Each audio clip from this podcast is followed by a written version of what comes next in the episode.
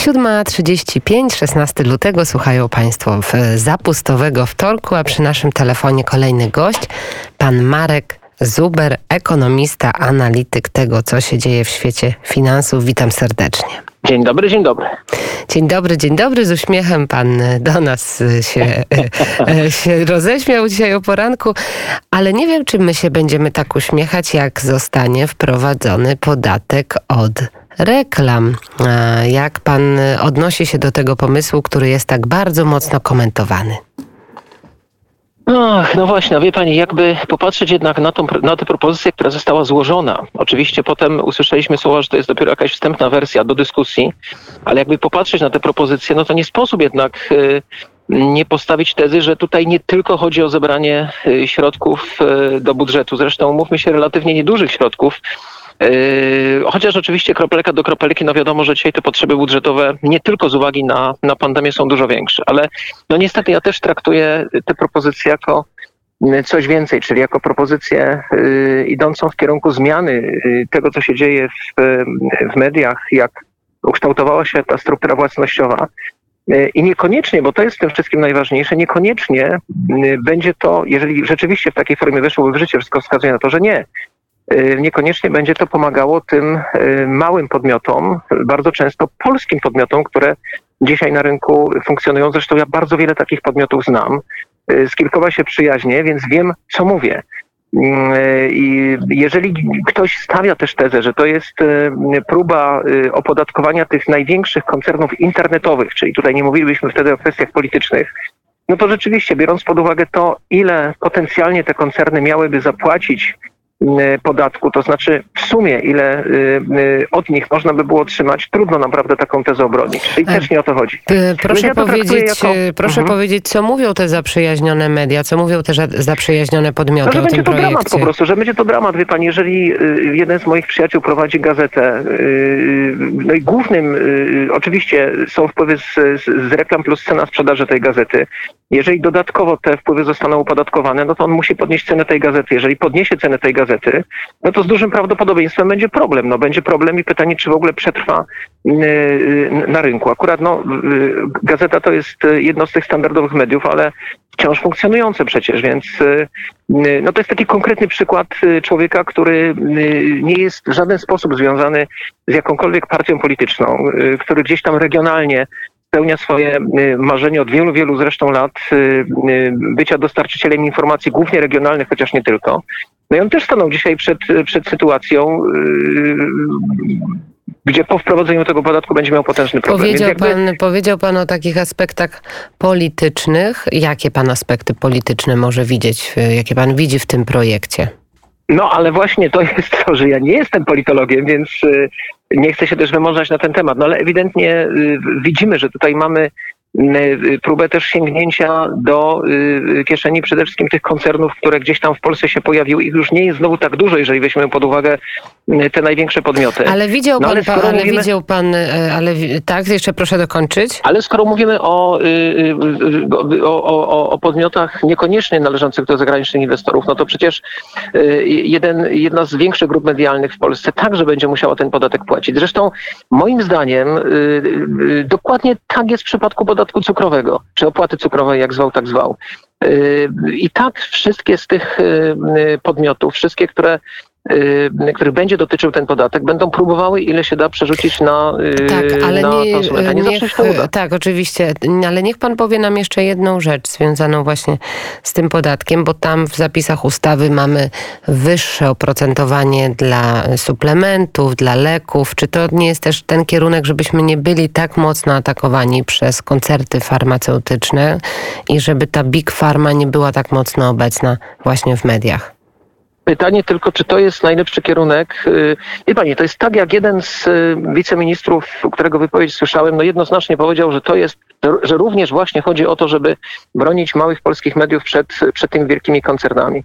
Y, I odniósł się również do, do tej penetracji polskiego rynku przez tą słynną amerykańską czwórkę, piątkę, no w tej chwili dodaje się już do tego, do tej czwórki Instagrama, czyli powiedzmy, że piątkę. Ale są prostsze rozwiązania. Y, można by było na przykład wprowadzić y, jakiś y, podatek od bycia w ogóle na polskim rynku dla tych wielkich zagranicznych podmiotów, jakąś formę już wręcz ryczałtu związanego z, z, z tym, że na, polskim rynku się operuje. Więc jakby wybrano najmniej jasną formę, jeżeli rzeczywiście na, tak naprawdę to było jednym z, jednym z podstawowych, czy jedną z podstawowych przesłanek wprowadzenia, wprowadzenia tego typu rozwiązania. Zresztą muszę pani powiedzieć, że ja nie jestem w ogóle, nie bardzo wierzę w skuteczność y, takich działań lokalnych. No ja czekam też na tą propozycję OECD dotyczącą y, opodatkowania tej wielkiej amerykańskiej czwórki, piątki, no tak jak powiedziałem, w zależności od tego, jak do tego podchodzić. Bo ja mam dziwne wrażenie, że w dzisiejszym świecie jeśli tylko Polska, albo tylko Niemcy, albo tylko Francja, wszystko jedno, zdecydują się na tego typu kroki, to w świetle prawa znajdzie się obejście tych zasad, a pamiętajmy o tym, że po drugiej stronie mamy koncerny, które zarabiają naście lub 10 miliardów y, dolarów rocznie, w związku z tym stać ich na najlepszych prawników, jakich można sobie tylko wyobrazić. Więc moim zdaniem jedyna skuteczna opcja to jest wprowadzić rozwiązania dotyczące całego świata, czyli na przykład przez strukturę OECD lub w jakiejś innej formule. I, tu wydaje mi się, że powinniśmy również w tym, na ile się da, uczestniczyć. Natomiast takie Y, rozwiązania lokalne, no tutaj będzie, będzie znacznie, znacznie trudniej. A propos tych suplementów, o których pani mówi, mhm. Y, no to teraz pytanie znowu o y, kwestię opodatkowania polskich firm, które produkują tego typu rzeczy, a takich firm jest sporo. One często występują pod nazwami, które nie kojarzą się z polskimi firmami, ale tak to dzisiaj wygląda. Oczywiście ja nie dyskutuję z tym, że gro rynku znowu jest pod kontrolą tych wielkich koncernów. Mamy przykład teraz związany ze szczepionkami przy okazji tej informacji część e, Polaków mogła zobaczyć, jakie są przychody takich firm jak Pfizer, e, jakie są zyski roczne takich firm jak Pfizer. To są potężne oczywiście koncerny, których rzeczywiście stać na więcej także w tym obszarze, w obszarze mediów, ale mamy także polskie firmy, nie mało już dzisiaj, e, choćby zajmujące się produkcją suplementów i jednak w jakiejś formie ich to też uderzy. Jeszcze jedna rzecz. Jeśli mówimy o, bo jedna kwestia to jest rzeczywiście ograniczenie rynku dla tych wielkich koncernów międzynarodowych, z którymi trudno jest walczyć biorąc pod uwagę ich, ich potęgę. A druga kwestia to jest ograniczenie korzystania z tego typu rzeczy przez, y, przez nas wszystkich, bo i, i tutaj się pojawiły przecież takie głosy, y, jak, jak pani wie. Podobną sytuację mieliśmy zresztą z podatkiem cukrowym.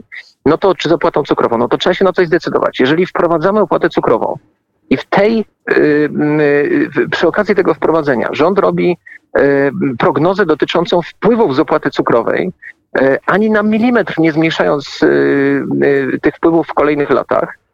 To znaczy, że nie zakłada obniżenia spożycia tych napojów w kolejnych latach. Co najwyżej, jeżeli zakłada stały poziom wpływów do budżetu, no dokładnie do budżetu Narodowego Funduszu Zdrowia, bo tam to ma trafiać, no to znaczy, że co najwyżej nie zakłada wzrostu spożycia. No to no właśnie, to czy jeżeli nawet ustawodawca nie wierzy w to, że to są rozwiązania, które ograniczą y, w istotny sposób spożycie cukru w Polsce, no to o co tutaj tak naprawdę chodzi? No oczywiście o zebranie dodatkowych środków do budżetu, do budżetu Narodowego Funduszu Zdrowia. Pamiętajmy o tym, że w 2018 roku y, została zmieniona ustawa, która zakłada osiągnięcie 6% wydatków publicznych na zdrowie w roku 2024. E, no i teraz wobec tego wszystkiego, co się dzieje, wobec wyhamowania wzrostu wynagrodzeń, one dalej rosną, ale już nie tak bardzo, wobec wyhamowania wzrostu zatrudnienia, e, nagle się okazuje, że te dochody ze składki zdrowotnej do Narodowego Funduszu Zdrowia już nie będą tak rosły, jak rosły w ostatnich latach, gdzie rzeczywiście ten procent w stosunku do PKB y, zwiększał się, bo też i przede wszystkim wynagrodzenia rosły bardziej niż produkt krajowy brutto. No to szukamy teraz innych możliwości. To było od początku wiadomo, że niestety to zobowiązanie będzie za sobą e, pociągało I... konieczność podniesienia podatków albo podniesienia to... składki zdrowotnej. Tak na marginesie zaczynamy tę dyskusję, jak pani wie, na temat składki zdrowotnej. Tak, to są bardzo poważne tematy i te finanse to jest niekończąca się po prostu opowieść. I, i na koniec pytanie jeszcze mm, do naszego gościa Marek Zuber, ekonomista. Jak pan ocenia poluzowanie obostrzeń, które nastąpiło? Wielu się zastanawia, dlaczego te, a nie inne branże, ale jak to wpłynie na naszą gospodarkę, jak wpływa no. na naszą gospodarkę?